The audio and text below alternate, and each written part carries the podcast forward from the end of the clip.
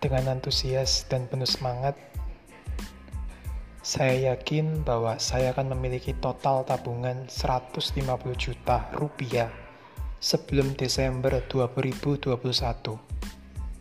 Dengan optimis dan bergembira, saya akan kembali memiliki pasangan hidup dari Tuhan sesuai dengan kriteria yang sudah saya buat sebelumnya maksimal tanggal 8 bulan Februari tahun 2021.